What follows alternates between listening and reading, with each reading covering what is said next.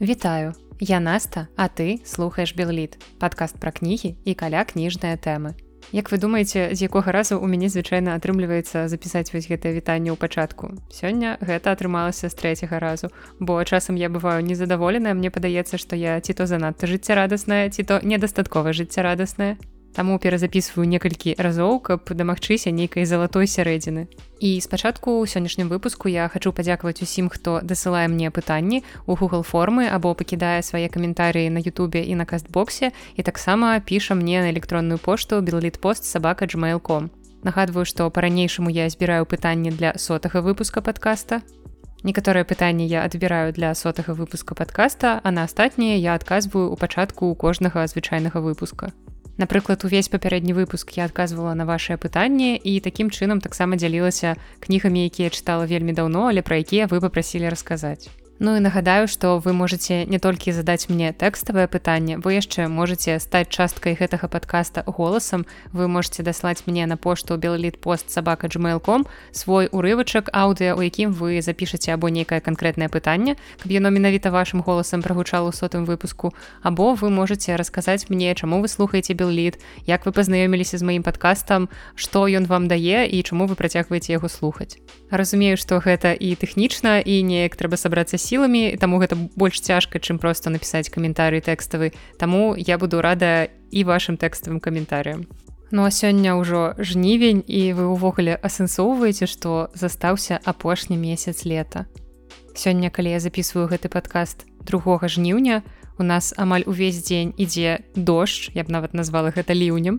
І тут я разумею яшчэ бачачы вялікую колькасць жоўтага лісця на вуліцах што восень блізка і суседзі зверху вырашылі дадаць трохі нейкай экзотыкі ў мой падкаст таму штосьці там свядруюць таму буду акуратненька кароткімі перабежкамі расказваць нешта ў прамежку паміж іхнімі свідраваннямі Ну і таксама нагадаю што у вас ёсць магчымасць слухаць выпускі гэтага падкаста на некалькі дзён раней.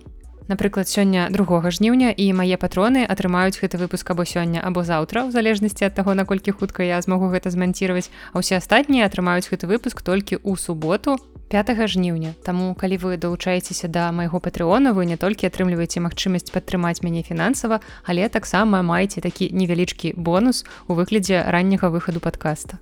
Ну, як я ўжо сказала, ліпень скончыўся, пачаўся жнівень, таму сёння ў эфіры чарговы выпуск літ навін.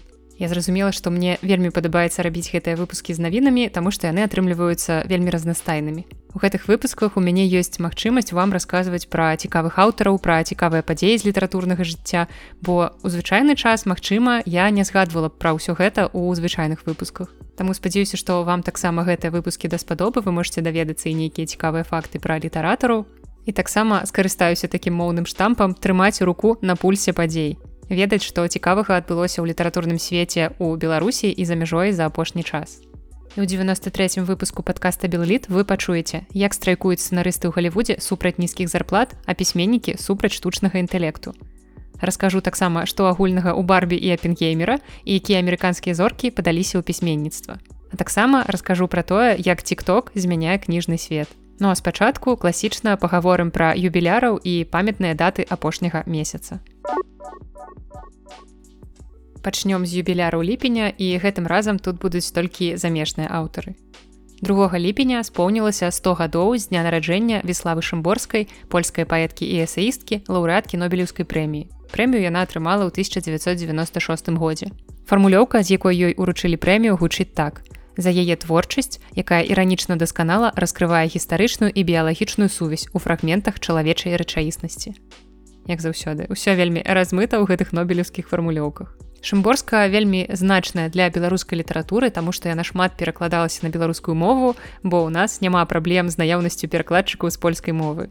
Упершыню па-беларуску шымборска загучала ў 1991 годзе, калі ў выдавеццы мастацкая літаратура выйшаў зборнік яе перакладаў свет варты вяртання. Перакладчыцай выступіла Ніна Мацяж, знакамітая беларуская паэтка. Далей у 2005 годзе ў беларускім кнігазборы зноў жа ў перакладах Ніны Мацяж выйшаў зборнік хвіля. І гэты зборнік быў адметны тым, што ў ім змяшчаліся не толькі беларускія пераклады, але таксама і польскія арыгіналы. І яшчэ адзін двухмоўны зборнік перакладу ніна мацяж выйшаў у 2010 годзе у выдавестве про Хрыста і называўся ён двухкроп'е і можна падумаць што ў ніны мацяж была нейкая манаполія на пераклады шымборскай але не. У 2013 годзе у выдавестве лохвінаў пабачыў свет самы аб'ёмны на сённяшні дзень зборнік які называется канец і пачатак і вось там у вершу процьма іншых перакладчыкаў акрамя ніны мацяж гэта і Марына казлоўская і кацярына маціеўская і ўласна ніна мацяж і Наталья русецкая Ганна янку Бахмута, Антон Францішак Брыль, Олег Лойка, Сергей Прылуцкі, Максім Танк, Андрей Хаданович. Карацей усе гэтыя імёны, якія нам знаёмыя па перакладах польскай літаратуры. Вось Кацярына Маціеўская, напрыклад, з апошняга увогуле лаўрэатка прэміі Шермана за найлепшы пераклад. Яна атрымала гэтую прэмію акурат за пераклад з польскай сагі пра ведзьмара. І вось вам яшчэ цікавы факт пра творчасць шымборскай. Яе першая кніга вершы у 1949 годзе была забароненая для друку, бо цытата не выконвала сацыялістычных патрабаванняў конец цытаты ну цудоўная рэклама для того каб пазнаёміцца з творчасцю ў паэткі. Але ў 1952 годзе ўсё ж таки выйшаў яе першы паэтычны зборнік для таго жыемы і ён ужо быў прасякнуты духам сацыялістычнага рэалізму. І тое ж самае можна сказаць і пра другі зборнік які выйшаў 1954 годзе называется пытання задаваны собе ўжо ў больш познія часы паэтка ўсё ж такі апраўдвалася, маўляў, дзве першыя кнігі гэта такая памылка маладосці але мы все ж таки разумеем як у тыя часы пісаліся вершы і наш янка купала у якім там 1941 годзе пісаў дзякую партыі Леніна Сталіна дзякую сталіну мудраму роднаму вельмі сумнеўна што пісаў янка купала гэта ўсё ад душы. Ну і у канцы пакіну вам крыху паэзіі шымборскай у перакладзе хрысціны граматович калі вымаўляю слова будучыня першы склад ужо адыходзіць у мінулае. Калі вымаўляю слова цішыня зніштожваю яе калі вымаўляю слова нічога ствараю штосьці што не змяшчаецца ў ніякім небыцці. 3 ліпеня 1883 года 140 гадоў таму нарадзіўся франц кафка. Гэты аўтар стаў для майго падкаста ў пэўнай ступені даволі сімвалічным хаця я не адношу кафку да спісу сваіх улюбёных аўтараў Але адсылаю вас у 72 выпуск подкаста, пасля якога быў велізарны перапынак. І там я акурат расказваю пра раман кафкі працэс. І як напісаў мой слухач Георгій у каменце пад адным з нядаўніх выпускаў, дзе я згадала гэты раман, што кожная згадка кафкі ў маім падкасці для яго гэта emotional damage.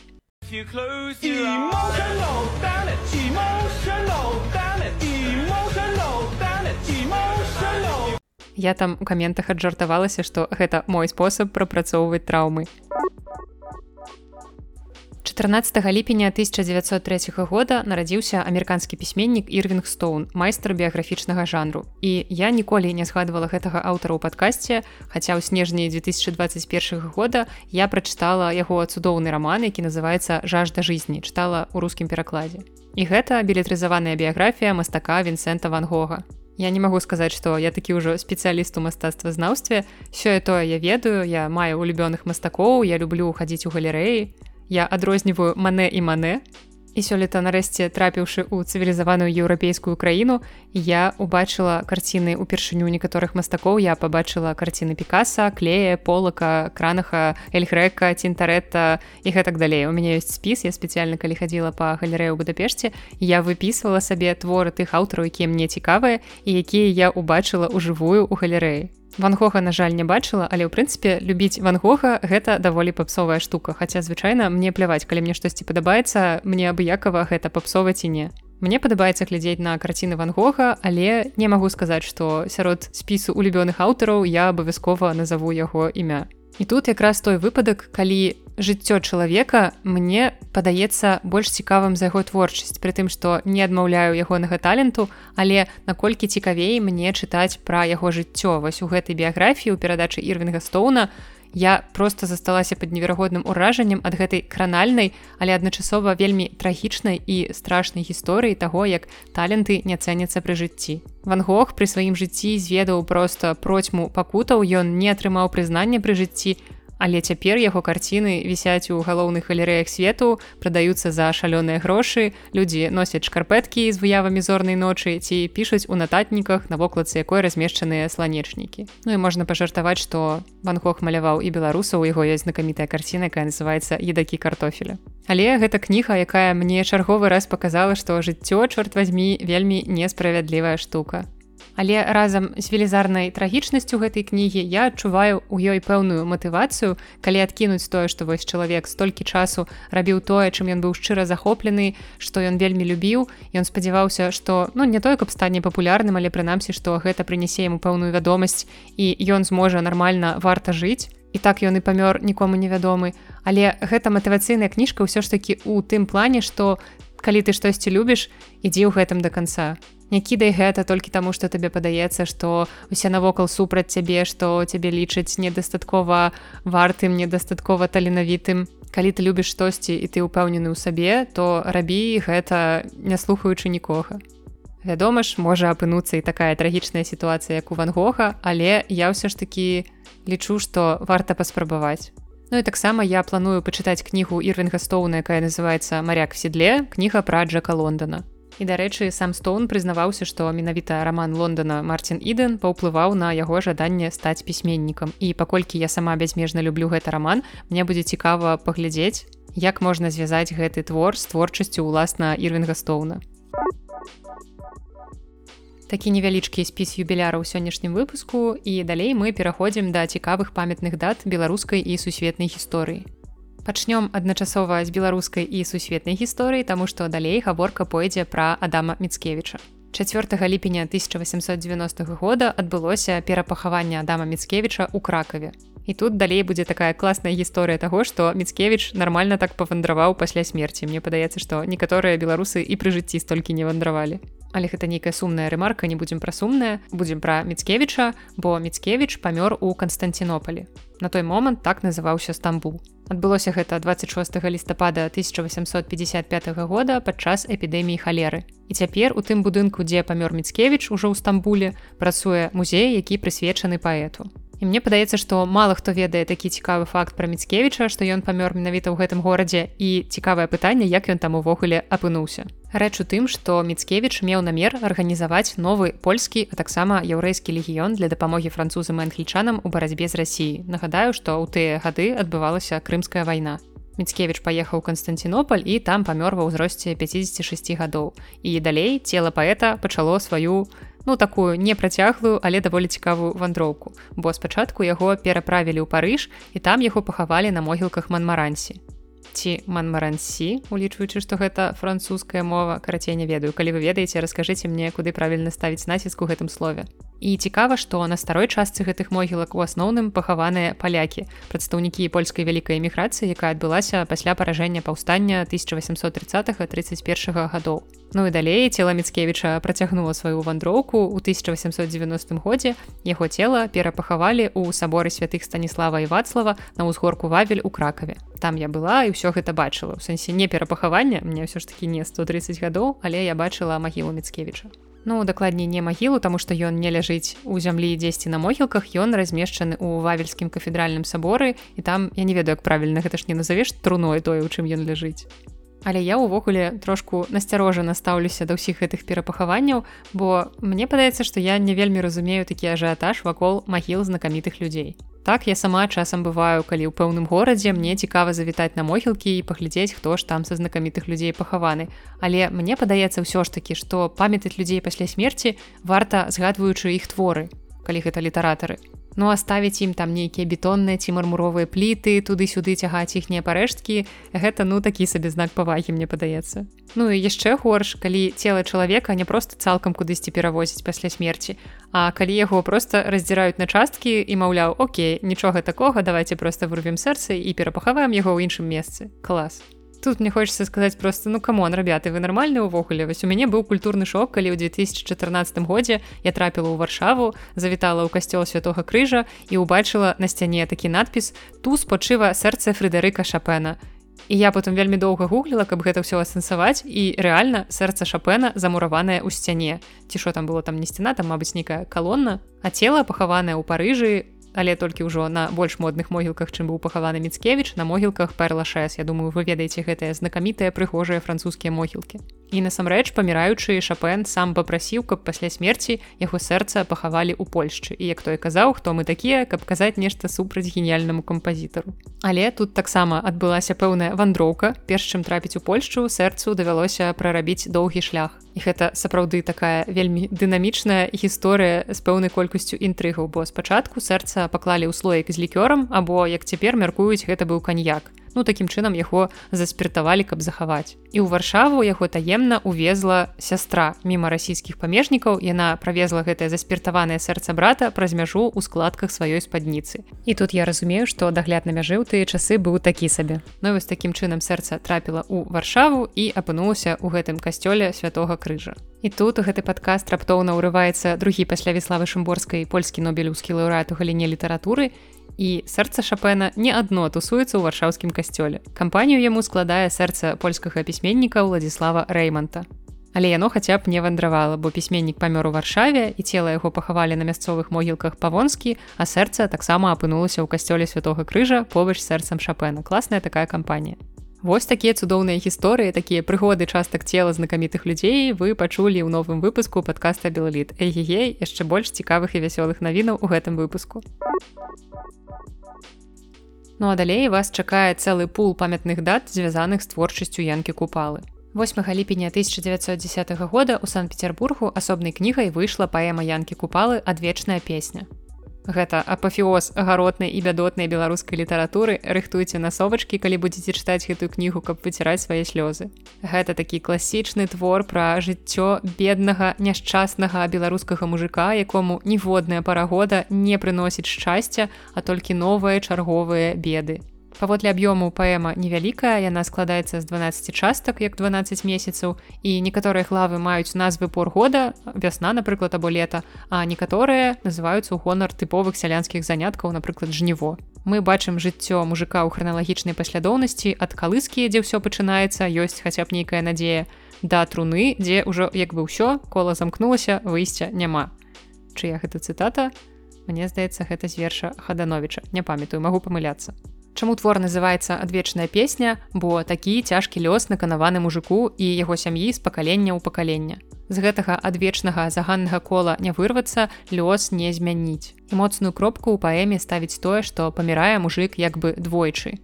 Першы раз гэта адбываецца фізічна, калі сапраўды памірае цела і ён кладзецца ў магілу. А потым ягоны цень паўстае з магілы і глядзіць ці не змянілася нешта ў свеце разумее што ў свеце ўсё так жа беспрасветна і сыходзіць назад у магілу. І ў гэтым творы купала паказвае зборны вобраз тагачаснага беларускага сялянства. Паэму я чытала некалькі разоў апошні раз я просто знайшла ў бібліятэцы такое прыгожае выданне ў супервокладцы з малюнкамі шаранговича фармату а4 і гэта твор поўны беспрасветнага трагізму што выдатна атрымалася адлюстраваць у аднайменным спектаклі тэатру беларускай драматургіі. Там у галоўнай ролі неверагодны ігар сігаў які грае ролю мужика я не ведаю ці ідзе яшчэ гэты спектакль у тэатры што ўвогуле зараз адбываецца ў тэатральным жыцці ў беларусі бо за апошнія тры гады там шмат чаго цікавага адбылося не самага прыемнага. Я моцна сумую што ўжо ну больш за тры гады мабыць я не была ў беларускім тэатры Наступная памятная дата звязаная з творчасцю купалы гэта 10 ліпеня 1917 года калі першае беларускае таварыства драмы і камедыі дало прэм'ерную пастаноўку паводле п'есы раскіданае гняздо пастаноўшчыкам быў флорыян жданович і насамрэч дапісаўшы п'есу ў 1913 годзе купала не вельмі спяшаўся паклапаціцца пра тое каб яна атрымала сцэнічнае ўвасабленне. А надрукаваная п'еса ўвогуле была толькі ў 1919 годзе Чаму купала не хацеў яе ставіць, бо яго засцерагала царская цэнзура купала выдатна разумеў наколькі востры гэты твор у сацыяльна-палітычным плане таму сам не звяртаўся да цэнзараў каб атрымаць дазвол на пастаноўку ён разумеў што нічога ў яго не атрымаецца. І змог ён гэта зрабіць толькі пасля падзення царызму лютаўская рэвалюцыя 17 -го года і гэтак далей. І такім чынам летом гэтага ж году 1917 п'еса была пастаўлена і адыграла значную ролю ў станаўленні развіцці беларускага прафесійнага тэатру Ну а сам твор вызначаецца найгалоўнейшай самай запаветнай і палымянай ідэі ўсяго жыцця і творчасці купалы ідэі нацыянальнага вызвалення і адраджэння, якую ён нястомна і настойліва рэалізаваў і ў паэзіі і ў драматургіі і нават у сваёй публіцыстыцы. Раскіданае гняздо сям'і зяблікаў гэта сімвал трагічнага лёсу Беларусі ў пачатку два стагоддзя перад першай рускай рэвалюцыі акурат. Уся Беларусь была такім раскіданым гняздом, бо яе народ, ствараючы ўсе зямныя багацці, задыхаўся ад беззямелля і не быў гаспадаром на сваёй зямлі. Таму як бы вы разумееце, чаму купалы былі пытаннічкі з пастаноўкай і царскай цэнзуры. Дакладней маглі б быць, калі б ён да іх тады звярнуўся. Ну вось калі б я вам яшчэ расказала пра купалу як не ў гэтым выпуску. Просто шчыра кажучы творы купалы гэта не тое што я перыядычна пачытваю для душы ёсць тыя беларускія класікі якіх прачытаўшы ва ўніверсітэце мне хочацца перачытваць і цяпер Таму што тады я атрымала ад іх асалоду але яе было недастаткова бо вы разумееце калі ты чытаеш штосьці у пэўных абмежаваннях калі табе трэба там да пэўнай даты штосьці прачытаць да экзамена то гэта зусім не тое ж самае калі ты бярэш гэты твор і чытаеш просто для сябе для душы можаш расцягваць гэтую кнігу хоць на месяц. І самае важнае што табе потым нікому не трэба даваць справаздачу наконт таго што ты прачытаў Хаця мне трэба пра гэта потым расказваць вам у падкасці, але ўсё роўна я раблю гэта для сябе, таму што мне гэта падабаецца, а не таму, што так трэба. Ну і купалу, як я вось чытала апошні раз, мабыць, ва універсітэце, так пакуль жаданне перачытваць не ўзнікала. І вось апошняя пра купалу на сёння, 24 ліпеня 110 гадоў таму у акопах купала завяршыў фальклорна-рамантычную паэму яна і я. І тут мне нават больш хочацца пагаварыць не ўласна пра паэму, а пра гэтыя акопы бо гэтыя акопы паламалі шмат лёсаў абітурыентаў. Бо куды ты паступіш на філфак, паведаміўшы, што паэму яна і я купала дапісваў на вайне. Ну як бы лагічна, чо у акопах жа ён гэта рабіў. Але насамрэч акопы гэта сядзіба маці і сёстраў янкі купалы, гэта хутар у лагойскім раёне. Таму не рабіце такой памылкі, якую я аднойчы пачула. Гэта было здаецца нават на алімпіядзе. Так на алімпіядзе па беларускай мове і літаратуры я пачула ад аднаго хлопчыка пра тое што купала пісаў яна і я на вайне і такі значны прамежак творчасці купалы быў звязаны з акопамі ваеннымі вось такая сумная гісторыя 20 ліпеня 1930 года за верш за ўсе краі за ўсе народы свету быў арыштаваны владимир дубоўка За дзень да гэтага намеснік старшыні АДПУ ССР гэта аб'яднанае дзяржаўнае палітычнае ўпраўленне. Генрых Ягода ён падпісаў ордар на арыш дубоўкі. За напісанне і распрастранение антисавецкага і антибальшевісцкага сціхатварення за все страны за все народы падпісанага псевданімам Янка Крывічанін. Дубоўка быў арыштаваны на працы ў крамлі і ў той дзень ён прыйшоў на працу ў прыгожым белым касцюме, так што забіралі яго даволі ўрачыста, як бы сумна гэта не гучала. Я записывала пра дубоўку ажно два выпускі подкаста 22 і 23 там я падрабязна вам рассказывала і пра жыццё і пра ягоны няпросты лёс і пра творы. Таму калі ласка запрашаю туды калі вы яшчэ не слухали гэта адзін з ранніх выпускаў які я вельмі люблю. І вось там акурат вы знойдзеце больш падрабязнасцяў і пра арышт і пра сам верш. І цяпер ад памятных дат мы пераходзім да актуальных навін мы даведаемся што адбылося ў літаратурным свеце ў беларусі і за яе межамі за апошні месяц. Пачнём з навін сумных бо як і ў чэрвені у ліпені таксама не стала аднаго вядомага літаратара. 11 ліпеня у парыжы не стала чэска-французскага пісьменніка мілана кундеры як паведамляецца ён памёр пасля працяглай хваробы. І тут невялічкі офтоп бо дзякуючы гэтай навіне я даведалася што прэзідэнта чэхіі завуць петр павел нічога асаблівага просто мне падабаюцца такія імёны дзе як бы не зразумела што імя што прозвішча. І ў мінулым выпуску я вам паабяцала што трошки раскажу пра кундеру я не фанатка я чытала літаральна тры яго кнігі і тут трошки якраз згадаю гэтыя кнігі. І зразумела што найбольшую вядомасць пісьменніку прынёс яго на раман з неверагодна прыгожай назвай невыносная лёгкасць быцця Твор быў напісаны ў 1982 годзе і ўпершыню апублікаваны ў 1984 годзе ўжо ў Францыі ў перакладзе на французскую. І толькі ў 1985 годзе раман быў выдадзены ў арыгінале па-чэску, але ў Чхаславакіі ён быў забаронены да 1989. Дзеянне рамана разгортваецца на фоне праскай вясны 1968 года, на фоне ўварвання савецкіх войск у краіну і наступстваў падаўлення лібералізацыі. Раман пачынаецца з такога філасофскага разважання з абмеркавання канцэпцыі Фрыдрыха Нічча пра вечнае вяртанне або вечны паўтор, і філасофія гэтага вечнага вяртання надае фатальную вагу кожнаму чалавечаму рашэнню паколькі кожнае такое рашэнне будзе паўтарацца зноў і зноў. І у процівагу гэтаму светапогляду кундара прыводзіць другое паняцце згодна з фармінідам у якога ўсё жыве толькі адзін раз Але пісьменнік сцвярджае, што такое жыццё не мае вялікай вагі і яно невыносна лёгкае. І ў цэнтры гэтага рамана Томаш хірург, які імкнецца акурат да лёгкасці. Ён свядома вызваляецца ад усяго цяжкага, ён пазбягае нейкіх цэтлікаў, ідэалаў і апраўдвае сваю фізічную нявернасць жонцы эмацыйнай вернасцю. нібыта ён яе кахае, якая розніца, што ён там спіць з іншымі жанчынамі,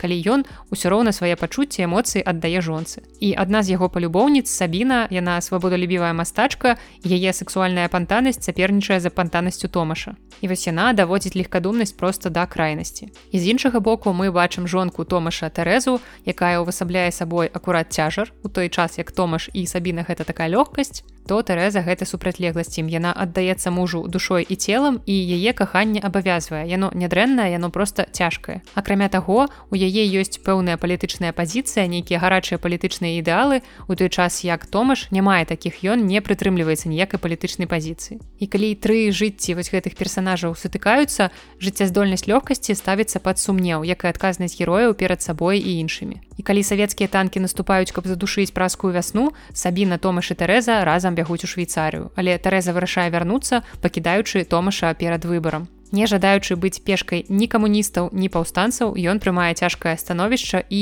едзе за жонкай ён нясецца насустрач пераследам. І канец рамана я канешне спойлерыць вам не буду. І гэта галоўны твор кундары які мне акурат спадабаўся больш за астатняе прачытанае ў яго і я нават падумваю што варта яго перачытаць бо з часу нашага першага знаёмства гэта было ва ўніверсітэце не памятаю на якім курсе але магчыма з таго часу штосьці ў маім светапоглядзе змянілася у мяне неяк наогул пашырыліся літаратурныя магчыма нават гістарычныя гарызонты і можа быць на другі раз кундара можа трапіць у спіс маіх улюбёных аўтараў пасля гэтай кнігі я прачытала яго дэбютны раман які называется жарт і также назва твора дарэчы гучыць у арыгінале чэшская мова прыемная мова такая лёгкая І гэты твор быў першапачаткова апублікаваны ў 1967 годзе. У творы расказваецца пра тое, як прыватны жарт студэнта разбурае яго жыццё, а таксама пра перапляценне гісторыі яго каханак і сяброў, якія спрабуюць пераадолець змяненне ролі народных традыцый і рэлігій ва ўмовах камуністычнай чэхаславакіі.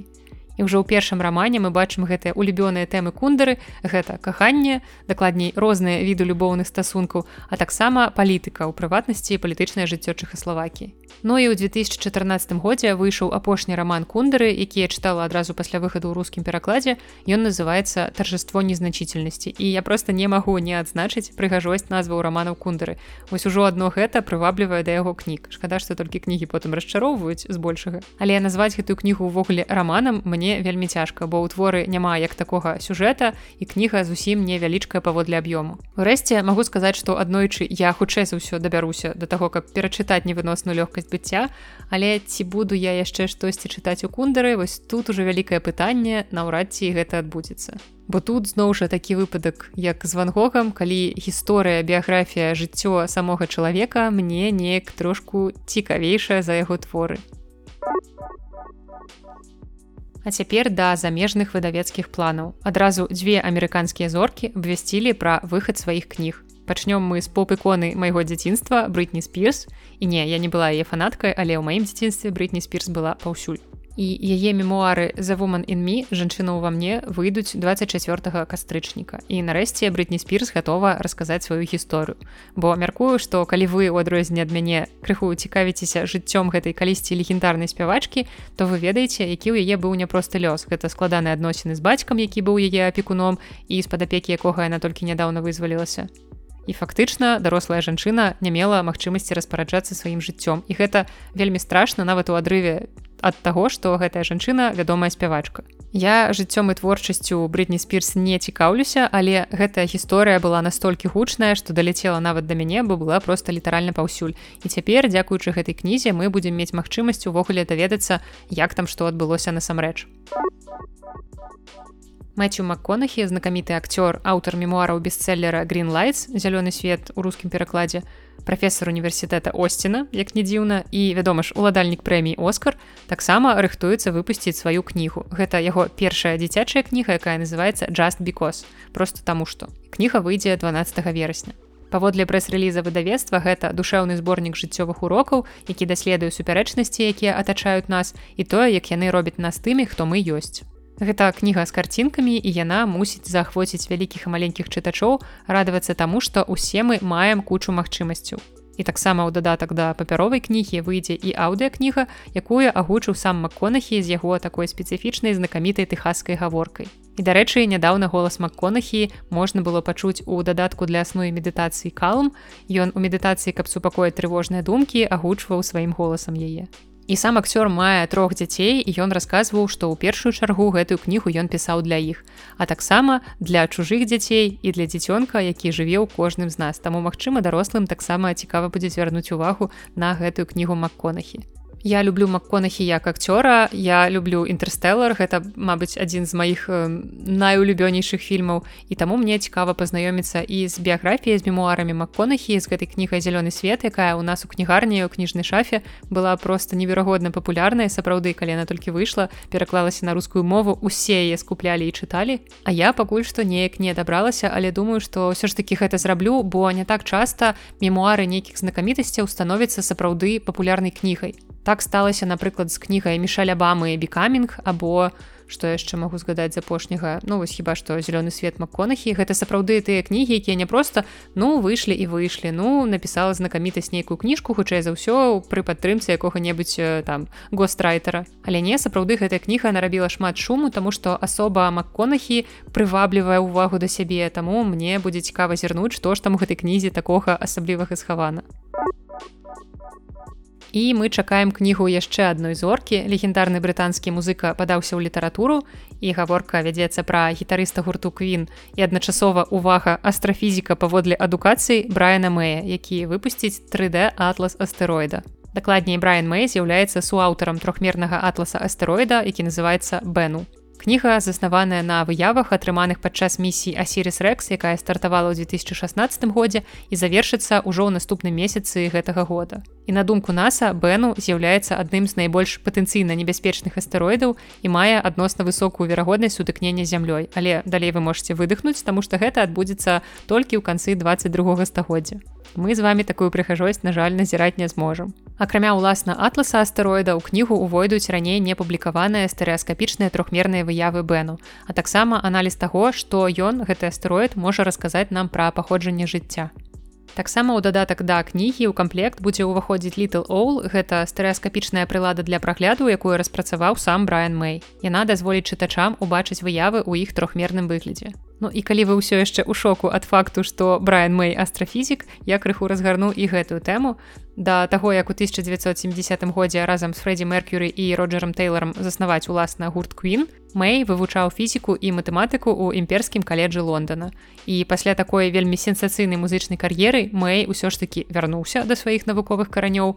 І у 2006 годзе ён абараніў дысертацыю у якой даследаваў радыяльныя хуткасці так званага задыякальнага пылавога воблака. Што гэта значыць не уяўляю але гучыць цікава Так што вось такі факт пра знакамітага музыку. Мне здаецца, калі я не памыляюся, Брайан Мэй нават даваў канцэрт у мінску колькі гадоў таму. Мне здаецца, ці калі вучылася ў школе ці трошкі пазней нешта такое было. Але вось калі вы цікавіцеся адначасова і музыкай і гуртом квін і космасам, то вось такая цікавая навіна для вас.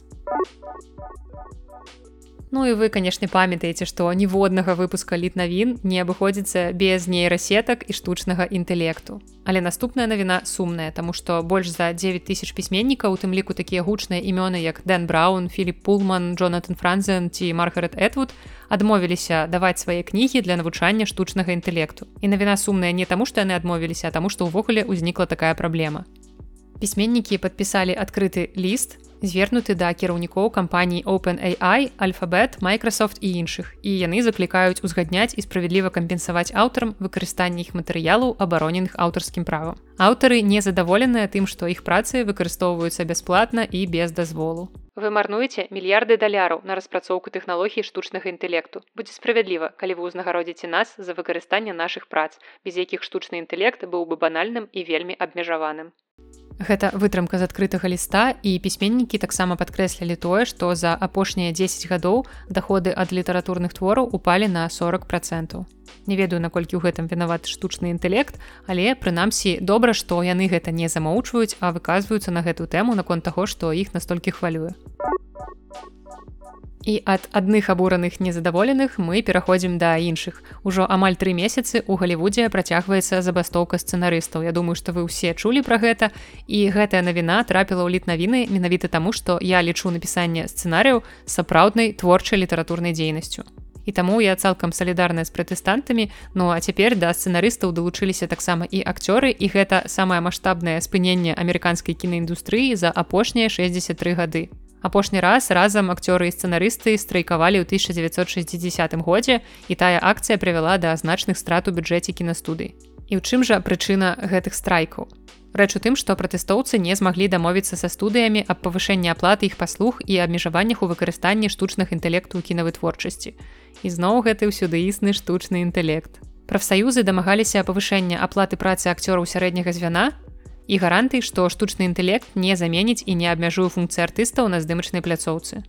Бо гэта толькі з зоркамі умовы аплаты заключаюцца індывідуальна эксклюзіўна. І хоць пытанне павышэння ганарараў тычыцца ў асноўным акцёраў другарадных роляў і таксама акцёраў масоўкі, але многія зоркі галівуда з салідарнасці з калегамі таксама заклікалі прафсаюзы не згаджацца на нездавальняючыя умовы і заявілі пра гатоўнасць страйкаваць. Не, ну ім насамрэч лёгка страйкаваць у іх як бы і так грошай шмат, але ўсё роўна яны малайцы, што ў гэтым выпадку выказалі сваю салідарнасць. Але вам вядома ж цікава, што гэтая забастоўка ўвогуле значыць для нас для простых гледачоў. Акцёры не будуць здымацца, удзельнічаць у рэкламных кампаніях, прысутнічаць на прэм'ерах як поўнаметражных карцін, так і серыялу і весці розныя цырымоніі.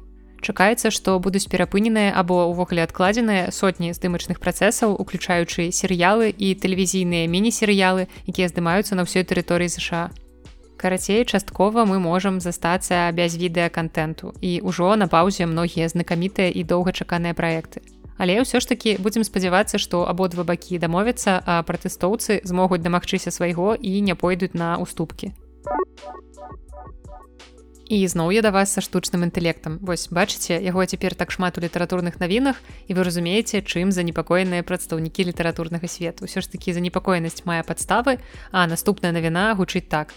Штучны інтэлект дапісаў кнігі за джорджа марціна ужо вядомая нам нейрасетка чат gpt дапісала дзве апошнія кнігі цыкла песню лёда і полымя і як жа гэта адбылося праграміст Ліам Суэйн на аснове тэксту Марціна даў заданне нейрасетцы і яна яго выканала. І як не цяжка здагадацца, на гэта ёй не спатрэбілася дзесяцігоддзя.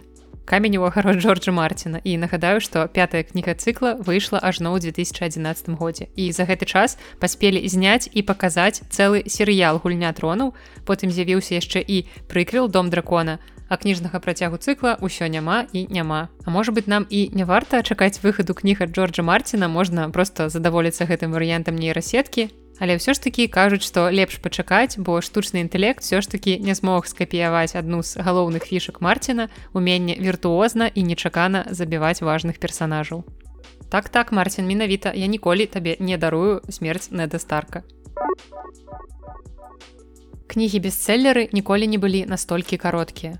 Даследаванне з такім загалоўкам з'явілася на сайце wordsrated.com. Гэта некамерцыйная міжнародная даследчая група, якая займаецца аналізам даных і аналітыкай. І з дапамогай дэталёвых даследчых праектаў яны вырашаюць важныя пытанні, звязаныя з чытаннем, кнігамі, аўтарамі і выдавецкай індустрыі, інфармуючы і забаўляючы чытачоў. Гэтым разам яны звярнуліся да аб'ёмаў кніг. Яны прааналізавалі 3444 найменні кніг, якія займалі першыя тры месцы ў штотыднёвых спісах бестселлераў Нью-Йорк Таймс 2011 по 2021 год. Яны хацелі прасачыць, як мянялася даўжыня найбольш папулярных кніг з цягам часу. Прычым яны аналізавалі як мастацкія, так і не мастацкія кнігі. Ёсць такі факт, што за другое дзесяцігоддзе 21 стагоддзя сярэдні аб'ём бестселлера Нью-Йорк Таймс скараціўся больш, чым на 50 сторонак. З 2011 по 2017 год сярэдні аб'ём бестселлера штогод перавышаў 400 сторонак. З 2018 года так было толькі ў 2020 годзе, на які моцна паўплывала пандемія COVID-19. У 2021 годзе толькі 38 процентаў бестселлераў мелі аб'ём больш за 400 сторонак, што на 29 паловай процентаў менш, чым у 2011 годзе. Ну і калі крыху адыходзіць ад лічбаў, даследчая група высветліла, што з цягам часу аб'ёмныя кнігі пачынаюць знаходзіцца ў спісе бестселлераў усё меншую колькасць часу ў параўнанні з тонкімі кнігамі. Мне падаецца, што проста эпоха лічбавых тэхналогій прывяла да вялізнага павелічэння колькасці разнастайнага контенту і ўвесь гэты контент змагаецца за час і увагу людзей. І у людзей як ніколі мноства варыянтаў таго, як можна правесці час. І такая разнастайнасць акурат і з'яўляецца адной з прычын таго, што час чытання з гадамі скарачаецца. І ўлічваючы гэтыя фактары, група выказала здагадку, што з гадамі чытачы аддаюць перавагу таму, каб купляць больш кароткія кнігі. Вынікі аналізу сведчаць пра тое, што гэта сапраўды так, паколькі за апошняе дзесяцігоддзя кнігі бестселлеры сталі карацейшымі на 11,8%. І дарэчы, раскажыце мне ў каментарях, ці любіце вы чытаць аб'ёмныя кнігі, ці не пужаюць у вас аб'ёмы кнігі большыя за 400 старонак, ці вы ўсё ж такі неяк шкадуеце свой час і чытаеце кнігі толькі тонкія бо для мяне насамрэч увогуле няважна якога аб'ёму кніга я магу ўзяцца з вялікай радасцю і за кнігу тысячу сторонок і за кнігу ў 150 сторонок і ад гэтага ад яе памеру зусім не будзе залежаць яе якасць. У мяне часцей за ўсё просто ўзнікае пытанне да памеру кніг таму што большую частку свайго часу я чытаю недзе ў дарозе і самі разумееце што калі кніга мае тысячу сторонок і калі яна яшчэ фарматам больш чым звычайная кніга то цягнуць яе з сабой у заплечніку. Ну такое сабе. Мне даволі шкада маю спіну улічваючы што часам даводзіцца з сабой насіць яшчэ і ноутбук і фотоапараты нейкую іншую тэхніку. З іншага боку такія аб'ёмныя кнігі можна чытаць на кіндле што я і раблю. Часам я чытаю одну і тую ж кнігу адначасова ў электронным і ў папяровым варыянце. Дома ў мяне ляжыць папяровая гэта пухлая аб'ёмная кніга а сабой я нашу кіндл. Таму раскажыце мне як вы любіце чытаць аб'ёмныя кнігі ці кароткія кнігі ці вам таксама як і мне ў прынцыпе без розніцы сервис wordfinder x прадставіў свежую кніжную аналітыку аформіўшы сухія лічбы ў падрабязную карту самай папулярнай літаратуры свету. Аўтары даследавання абралі для аналізу даныя гудріц аднаго з найбольш вядомых у свеце літаратурных парталаў і яны прааналізавалі кнігі аўтараў са 130 краін але чамусьці няма звестак па шэрагу краін Афрыкі і Азіі бо на карце яны проста афарбаваны ў шэры колер і на этапе стварэння спіса былі адсеяны творы у якіх было менш за 500 галасоў ад карыстальнікаў пры гэтым лідарства вызначала менавіта адзнака а не колькасць прагаласаваўшы уся статыстыка актуальная на май 2023 года. І вам вядома ж хочацца даведацца якая ж кніга самая папулярная ў беларусі але перш чым я гэта агучу я хачу тое сёе дадаць як актыўны карыстальнік утрыц з наяўнасцю на сайце беларускіх кніг усё не вельмі добра. Гэта па-першае там сапраўды даволі мала беларускіх кніг плюс цяпер у іх яшчэ новыя правілы што самі карыстальнікі не могуць просто так дадаць кнігу. Цяпер для гэтага трэба ствараць заявку якую пасля разгледзець валанцёры а робяць яны гэта вельмі марудна і невядома калі ты дачакаешся разгляду сваёй заявкі і таму вельмі добра калі ў цябе ёсць чалавек які мае статус гэтага гудрыц лібрэріан і мае магчымасць дадаваць кнігі паводле тваіх заявак. Галоўнае табе толькі гэтай заяўкі ствараць. Мне з гэтым пашанцавала мне ёсць каму дадаваць беларускія кнігі, але агулам зараз беларускія чытачы сутыкнуліся з тым, што яны проста амаль не маюць магчымасці дадаваць тое, што яны чытаюць па-другое вельмі цяжка сказаць якая колькасць беларусаў увогуле актыўна карыстаецца гэтым сайтам. Мы можемм паглядзець толькі топ 100 чытачоў з беларусі і ў гэтым топе я на першым месцы паводле колькасці прачытаных кніг. І гэта я яшчэ не ўсё сваё прачытанае перанесла на гудрыц але ну такое сабе дасягненне. І для мяне ўсё ж такі абсалютна не дзіўна што самая чытаная аўтарка сярод беларускіх гэта Святлана алексеевич з кнігай апошнія сведкі вас мабыць здзівіць што чарнобыльская малітва не трапіла ў гэты спіс на першае месца чаму менавіта апошнія сведкі але тут трэба дадаць што вызначалася не самая чытаная кніга а менавіта тая кніга якая мае найбольшы рэйтынг. І чамусьці у кнігі апошнія сведкі ён даволі высокі 451 у сэнсе чамусьці не таму што я неяк маю нешта супраць мастацкіх вартасцей гэтай кнігі а таму што я здзіўленая што у той же чарнобыльскай малітвы рэйтынг трохі меншы. Таму раю вам увогуле далучацца да кніжнага сервіса гудрыцы. Гэта сапраўды вельмі зручная магчымасць весці электронны дзённік прачытаных кніг. Як вы ўжо, мабыць, паспелі заўважыць апошнія навіны культуры вельмі цяжка ўявіць без згадак барбі. І я таксама тут не буду арыгінальны. Праўда, далей гаворка пойдзе не пра ружовае вар'яцтва і экранізацыю лялькі, а пра рэжысёрку гэтага фільма Грэту Гервік. Рэч у тым, што цяпер яна працуе над новым праектам гэтым разам кніжным. З нядаўніх экранізацый, дарэчы, якімі займалася гэтая рэжысёрка, напрыклад, маленькія жанчыны паводле кнігі Луізы Мэй Олкат. Але ў ліпені стала вядома, што ў распрацоўцы знаходзіцца ажно два паўнаметражныя фільмы па сусвеце Клайва Льюіса. Упершыню хронікі нарніі пераносілі на экран у 1967 годзе і гэта было 10серыйнае шоу але на жаль большасць эпізодаў была згубленая до нашага часу дайшлі толькі першы і восьмы. Далей у 1979 годзе быў мульцік паводле кнігі лео вядзьмарка і гардероб а потым тэлесерыял 1988 1990 гадоў. І нарэшце у пачатку 21 стагоддзя выйшлі тры фільмы паводле кніг лео вядзьмарка і гардероб прынц каспіян і заваёўнік золку якасць і адпаведная папулярнасць гэтай франшызы падала з кожным фільмам так што яе давялося закрыць. І таму экранізавалі не ўсе кнігі Таму паглядзім, як з адаптацыяй гэтага легендарнага фэнтэзі справіцца амерыканская рэжысёрка. І тут, дарэчы, будзе дадаць, што тры кнігі цыкла пра хронікі нарні можна прачытаць па-беларуску. У нас выходзілі Лео вядзьмарка і гардероб і прынц Каспен, якія зараз ёсць у продажы ў нашай кнігарні кніжная шафа. Спасылку абавязкова пакінуў апісанне да выпуска. І таксама у нас выходзіла кніга пляменнік чараўніка. Ну а дзе барбі там і не не кен як вы маглі падумаць а фізік-тэарэтык роберт апенгеймер гэта самая незвычайная самая загадкавая і найлепшая пара гэтага лета.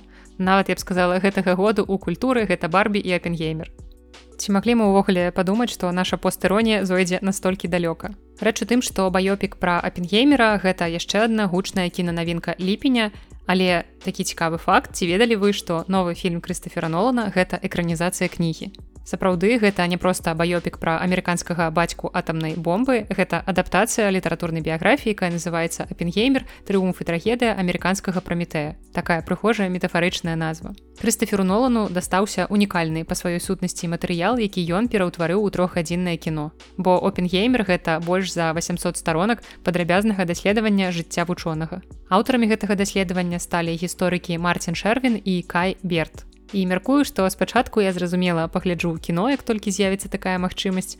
А калі гісторыя жыцця знакамітага фізіка мяне настолькі захопіць а хутчэй за ўсё гэта менавіта так і адбудзецца то я прачытаю і кнігу як бы чаму не. Я люблю нон-фікшн я люблю біяграфіі я люблю навуку тут мне падаецца што ўсё мусіць ідэальна скласціся і яшчэ трошки паговорым пра кіно нешта сённяшні выпуск літ навін атрымліваецца вельмі кіношным рэч у тым што кампанія warner brothers нарэшце показала трэйлер аднаго з самых чаканых фільмаў гэтага года які называется вонка гэта гісторыя пра вілі вонку знакамітага ўладальніка чароўнай шакаладнай фабрыкі якога прыдумаў дзіцячы пісьменнік руальдаль у кнізе чарлі і шакаладная фабрыка У 1971 годзе ў пракат выйшаў фільм Вілівонка і шакаладная фабрыка з Джынам Уайлдером. А ў 2005 годзе на экранах з'явіўся рэмейк з Джонні Дэпам у ролі вонкі. Васьмяркую, што гэтую экранізацыю хутчэй за ўсё вы, магчыма, глядзелі. Ну а свежы вонка ўзору 2023 года гэта прыквел гісторыі. Гэта гісторыя пра шлях маладога шакаладнага майстра, які любіць прыгоды і марыць адкрыць уласную вытворчасць чароўнага шакаладу. Цікава, што вонку маглі сыграць і том холланд і эзра миллер і райан гослинг але як мы бачым том холод больш задзейнічаны ў спайдерменаўскай ролі.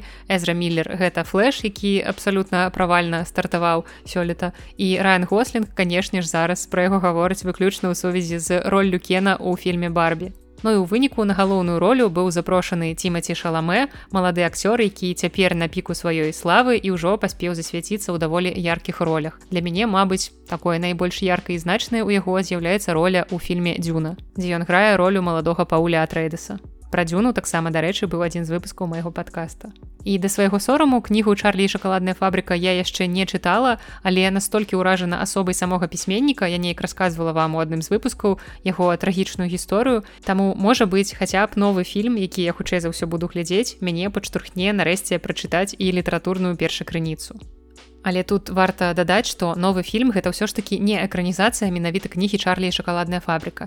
Гэты фільм зняты паводле арыгінальнага сцэнарыя Саймона Фарнабі. Проста раней кінакампанія выкупіла правы на выкарыстанне прыдуманага далем персанажа вілівонку. І гэты фільм будзе расказваць нам яго перад гісторыю падзеі, якія адбываліся да Чарлі і шакаладная фабрыка. На экранах фільм з'явіцца ў сярэдзіне снежня і мне падаецца, што гэта будзе такі цудоўны падарунак на зімовыя святы свідраванні зверху скончыліся і пачаліся стукі грукат за акном таму што ў нас за акном кнігарні фарбуюць сцяну якая цяпер з шэрага колеру ператворыцца ў фіялетавы што мяне вельмі не радуе бо я не надта люблю фіялетавы колер. Таму я спадзяюся што ўсё ж таки не так моцна гэта чуваць на запісе. Засталося зусім трошки яшчэ крыху пахне фарбай таму можа быть под канец выпуска я буду вам расказваць нейкія просто неверагодныя навіны але пакуль што мы звернемся да модных маладзёжных навін. Не ў сэнсе звязаных з модай а ў сэнсе трендавых. Ні для кого не сакрэт што сервіс кароткіх відэа TikTok адзін з найбольш папулярных мабільных дадаткаў у свеце. Я сярод тых нешматлікіх людзей, якія занадта стары для гэтай фігні, таму ў мяне тиктока на тэлефоне няма, але часам, калі ў мяне ёсць вольны час і няма чым заняцца, што бывае вельмі рэдка, але часцей за ўсё гэта проста пракрастынацыя. Я заходжу ў нстаграме ў рылсы, гэта амаль тое ж самае, што і тикток там я набіраюся нейкага натхнення для стварэння контенту для нашай кнігарні. І гэта класная адмазка што я не пракрастыную я займаюся пошукам натхнення для стварэння контента вось так прыгожа гэта гучыць калі што гэта можна рабіць прямо на рабочым месцы. І ніхто не асудзіць. Дык вось вернемся да тиктоку бо ў 2022 годзе ён стаў самым пампаваным дадаткам у свеце. Праграму загрузілі 672 мільёны разоў.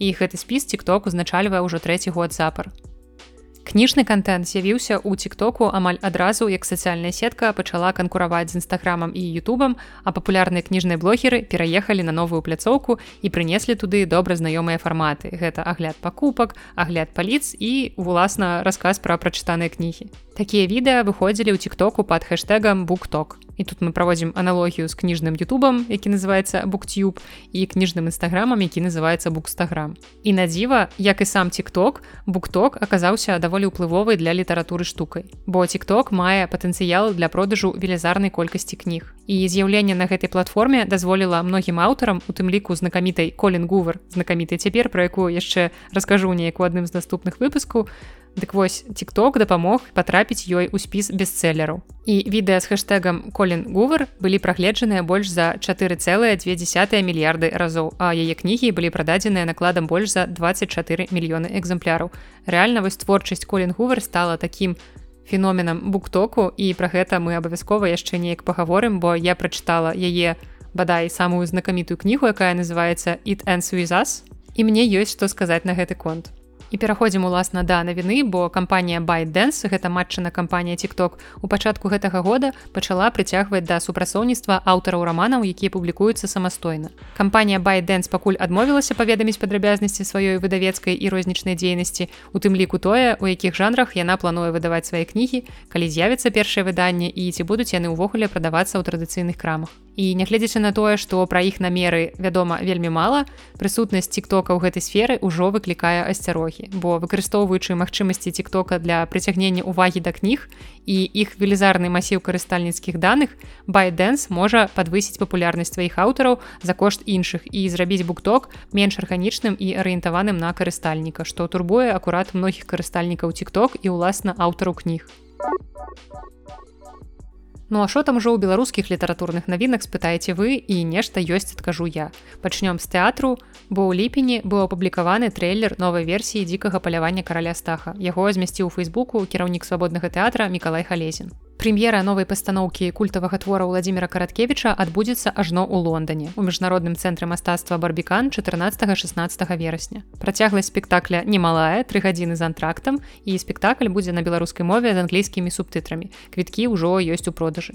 Аўтарам лібрэтта стаў паэт Андрей Хаданович дзікае паляванне караля стаха ў выкананні свабоднага тэатра гэта сінтэз оперы драматычнага тэатра мультымедыя і жывой музыкі пазначаны жанрам гатычны нуар і гэта менавіта ідэальнае спалучэнне для таго каб стварыць нармальны нарэшце спектакль паводле дзікага палявання. У спектаклі возьмуць удзел артысты з беларусі і украіны. І ёсць такія чуткі што ў адзін з дзён спектакль наведае нават кароль великкабрытаніі карл 3 дарэчы зноў оф-топ вы дагэтуль не можете прывыкнуць да таго што на гэтым месцы цяпер не каралева лізавета другая. Мне падавалася заўсёды што гэтая жанчына будзе бессмяротнай і яшчэ трошкі пра падарожжы беларускай літаратуры за мяжой. Беларуская інтэрнэт-кнігарня ў ЗША літарка рада паведаміць пра магчымасць купіць кнігі па-беларуску ў кнігарні хатсан волей букс фох humanity Раней у жыхароў ЗША была магчымасць заказаць кнігі праз інтэрнэт-краму літаркаком, а цяпер беларускія кнігі можна купіць у кнігарні, якая знаходзіцца ў гістарычным цэнтры гарадка Асенінг, у якім штогод ладзіцца беларускае свята гукання вясны. і гэтая кнігарня з'яўляецца адзіным пунктам дзе можна купіць папяровыя беларускія кнігі ў нью-йоркскай агламерацыі Ну і якія беларускія літаратурныя навіны без чарговых забарон. Міністэрства інфармацыі на падставе закона аб сродках масавай інфармацыі заблакавала сайт інтэрнэт-бібліятэкі камунікат. Акурат у мінулым выпуску раіла вам гэты сайт як выдатную крыніцу беларускамоўных кніг, а цяпер доступ на гэты сайт з Беларусі толькі праз VPN паэзію рыгора барадуліна пераклалі на кітайскую мову і гэтая навіна гучыць цікава калі не ведаць усіх падрабязнасцяў бо рэч у тым што перакладчык прафесор буюй не першы раз бярэцца за беларускую паэзію. Але для перакладу на кітайскую ён бярэ пераклады беларускіх твораў як вы маглі здагадацца на рускую мову. І адразу згадваю сваё абурэнне перакладам караткевіча на венгерскую які таксама быў зроблены з рускай мовы Гуюй ужо пераклаў вершы Якуба коласа, янкі купалы Масіма Богдановича, Масіма танка, цёткі, а таксама больш блізкіх нам па часе творцаў, напрыклад, Анатоля Сыса і Міколы Пракаповича. І мне не сорамна прызнацца, што апошняе імя я чую ўпершыню. Перакладаў барадуліна прафесор на аснове рускіх перакладаў Іллі Фанякова. А цяпер гуюй працуе над перакладам паэтычнай падборкі Евгеніі Янішчыц. І пакуль што у мяне даволі такое дваістае стаўленне да ўсяго гэтага, бо вельмі крута, што беларускія творы увогуле з'яўляецца ў перакладах на замежнай мовы, тым больш там на такія знакамітыя як кітайская. Знакамітыя ў сэнсе тыя, што маюць вялізную колькасць карыстальнікаў. Бо такім чынам мы пашыраем аўдыторыю рэгора барадуліна на колькі там ужо мільярдаў гэтых кітайцаў у свеце. Але разам з тым мне ўсё ж такі даволі сумна і крыўдна, што гэта адбываецца пры пасрэдніцтве ўсё ж рускай мовы. З'явілася першае беларускае камедыйна-літаратурнае відэашоу. У першым пілотным выпуску сабраліся чатыры комікі суполкі пан стендап, якія абмяркоўваюць кнігу мова Віктора Марціновича. Я яшчэ не глядзела гэты выпуск, паколькі мяне мала прываблівае твор Марціновича, мала цікавіць увогуле яго творчасць, але магчыма, я ўсё ж такі пагляджу, калі яны запішуць выпуск пра нейкі іншы твор. Бо агулам мне ўсё ж такі хочацца мець уражанне пра гэтае шоу, бо вельмі класна, што ў нас з'яўляюцца такія фарматы. Таму раю вам паглядзець і падзяліцца са мной у каментарыях, як вам гэты першы пілотны выпуск і ў канцы звернемся да навін беларускага кнігавыдання я раскажу вам якія цікавыя творы кнігі выйшлі ў нас за апошні месяц. Беларускі гісторык і архівіст зміцер дрозд выдаў кнігу пра валадарку пабачыла свет яго новая кніга под назвай мінскі тюремны замак кніга на рускай мове наклад складае ўсяго 99 асобнікаў і кніга задуманая як першая серыі кніг прысвечаных 200годдзю турмы Новая кніга пра францыска скарыну ад Александра Калбаскі працягвае скарынаўскую серыю выдавецтва тэхналогія. У мінулым выпуску літнавін я рассказывала вам пра іх навінкі скарына для дзетак і на што хварэў скарына, А цяпер выйшла новая кніга, якая называецца еўрапейскія пуцявіны францішка скарыны. Гэта незвычайная гісторыя пачатку вялікай дарогі па выбудоўванні еўрапейскага культурнага шляху нашага першадрукара. Разам з навукоўцамі скарыназнаўцамі аўтар наведвае гарады, дзе скарына пакінуў свой культурны след і запрашае чытачоў далучыцца да гэтай вандроўкі. У мінску у выдавецтве рамана цымберова выйшаў новы зборнік прозы вядомага наваполацкага пісьменніка вінцэся мудрова. Кніга атрымала назву сустрэчы і згодна з анатацыяй, як і ў папярэдніх сваіх кнігах аўтар кідае рэтраспектыўны позірк у недалёкае мінулае, спрабуючы высветліць, чым яно розніцца ў маральным плане ад нашага часу хутчэй за ўсё чытаць гэта я буду таму што я чытаю амаль што ўсе кніжкі вінцэсе мудрова мне бязмежна падабаецца тое як гэты аўтар працуе са словам хаця сюжэтна я магу сказаць што мне не заўсёды цікавыя гэтыя творы. Ўсё ж такі мне падаецца што яны скіраваныя на старэйшае пакаленне на людзей узросту маіх бацькоў можа быть нават больш старэйшых там 50 плюс Але прынамсі, каб атрымаць асалоду ад прыгожай мелагучнай беларускай мовы з неверагодна каларытнымі слоўцамі, якія аўтар устаўляе ва ўсе свае творы, я раю вам звярнуць увагу на творчасць вінцэся мудрова. У выдавецтве беларуская навука выйшаў першы том збору твору кузьмы чорнага ў 12 тамах. Дагэтуль найбольш поўным быў збор твору ў восьмі тамах, праўда, і выходзіў ён 50 гадоў таму. У першы том увайшлі апавяданні 1921-1925 гадоў. І дарэчы запрашаю вас у папярэдні выпуск падкаста белліт які акурат быў прысвечаны творчасці кузьмы чорнага у прыватнасці яго раману пошукі будучыні выдавецкая ініцыятыва вільма перавыдала кнігу Сергея лескіця шэпт Цяпер кніга мае мяккую вокладку з клапанамі і больш яркае афармленне. Шэрая вокладка з аўтарскім фота змянілася бірузовым колерам з прывабнай дызайнерскай ілюстрацыі. І асабіста мне новае выданне больш даспадобы. Я замяніла сваё першае, якое купіла, замяніла на новае і да таго ж у выдавестве расказалі, што яны крыху перапрацавалі і вёрстку кнігі і таксама дадалі ў кнігу яшчэ больш фота. Вось акурат выправілі тое, на што я наракала ў папярэдняй кнізе, мне было мала фатаграфій. Таму што аўтар расказвае там шмат пра тое, што ён выстаўляў святло ці наадварот ён убачыў прыгожа святло падае там на пэўную бабульку і зрабіў яе фота. Ты перагортваеш старонку ў чаканні ўбачыць гэтае фото, а фото няма. Вось таму я тады у першы раз трошку пачытаўшы адклала гэтую кнігу, але ўжо цяпер новае выданне я дакладна дачытаю і дарэчы, магчыма, мы абмяркуем яго ў кніжным клубе анягош бо калі вы хочаце каб мы абмеркавалі гэтую кнігу на нашым чарговым пасяджэнні то калі ласка напишитеце про гэта ў каментарыях. І калі ваших каментарыяў будзе шмат мы такі варыянт разгледзім але ўжо ў верасні тому что ў жніўні у нас па плане артур клінаў з яго раманам локісу У новым кракаўскім выдавецтве Гутенберг выйшла кніга Элія Шабарта пад назвай Джа легенда аб забраным сэрцы. І гэтая гісторыя перамагла ў літаратурным конкурсе шуфлятка і выйшла пры яго падтрымцы. Ілюстрацыі да кнігі зрабіў Богдан Даўяла і таксама да папяровай кнігі выйшла і аўдыакніга, якую бясплатна можна паслухаць у мабільным дадатку кніжны воз. Гэта гісторыя пра дыназаўра Джа, які збіраў дзівосныя рэчы, пёркі, ракушкі і камяні. І яго родны востраў захапілі жорсткія монстры, якія занялі найлепшае для пражывання мясціны і забаранілі памятаць пра мінулае. Аднак Джа паміж спакоем і змаганнем выбраў барацьбу і ўрэшце захопнікам давялося хавацца па слізкіх норах. І я проста абажаю, як дзіцячыя кнігі акуратна перагукваюцца з нашай рэчаіснасцю. Яшчэ адна навінка выдавецтва рамана Цымберова гэта новая кніга зараславы камінска, якая называецца па той бок. У 15 выпуску подкаста я рассказывала пра яе кнігу калядны стол, за якую ў 2020 годзе зараслава атрымала прэмію цёткі ў намінацыі найлепшая кніга для дзяцей і падлеткаў і таксама трэцяе месца прэміі гідройце. Ну і ў 2018 годзе за дэбютную кнігу русалкі клічуць, прысвечаную беларускай мастачцы алені кіш, зараслава атрымала прэмію дэбют. Карацей напісала яна пакуль што вось усяго тры кнігі і дзве з іх ужо такія аблаўрачаныя можна сказаць. І гэтыя дзве кнігі я чытала таму абавязкова звярну увагу і на трэцюю бо мне падабаецца як піша зараслава. І паглядзім што нас чакае ў трэцяй кнізе звернемся да анатацыі Дзеянне ў гэтай кнізе адбываецца па той бок і па гэты. Па гэты бок іншымі словамі тут. Таямнічае знікненне дзяўчыны і з'яўленне новых дадзеных, якія могуць перавярнуць уяўленне пра беларускіх традыцыйных лялек. А па той бок тыя ж лялькі выконваюць свае магічныя абавязкі, абараняюць гаспадароў, дапамагаюць змагацца з нячысцікамі, але часам і самі ператвараюцца ў злыдню. І як заўжды, калі дачытаеце кнігу, зможаце вырашыць, па які бок вы. У выдавецтве мастацкая літаратура у серыі новая бібліятэка беларускай паэзій выйшаў той самы зборнік вершаў Масіма Богдановича вянок, які структурна паўтарае знакамітае перша выданне, што пабачыла свет 110 гадоў таму.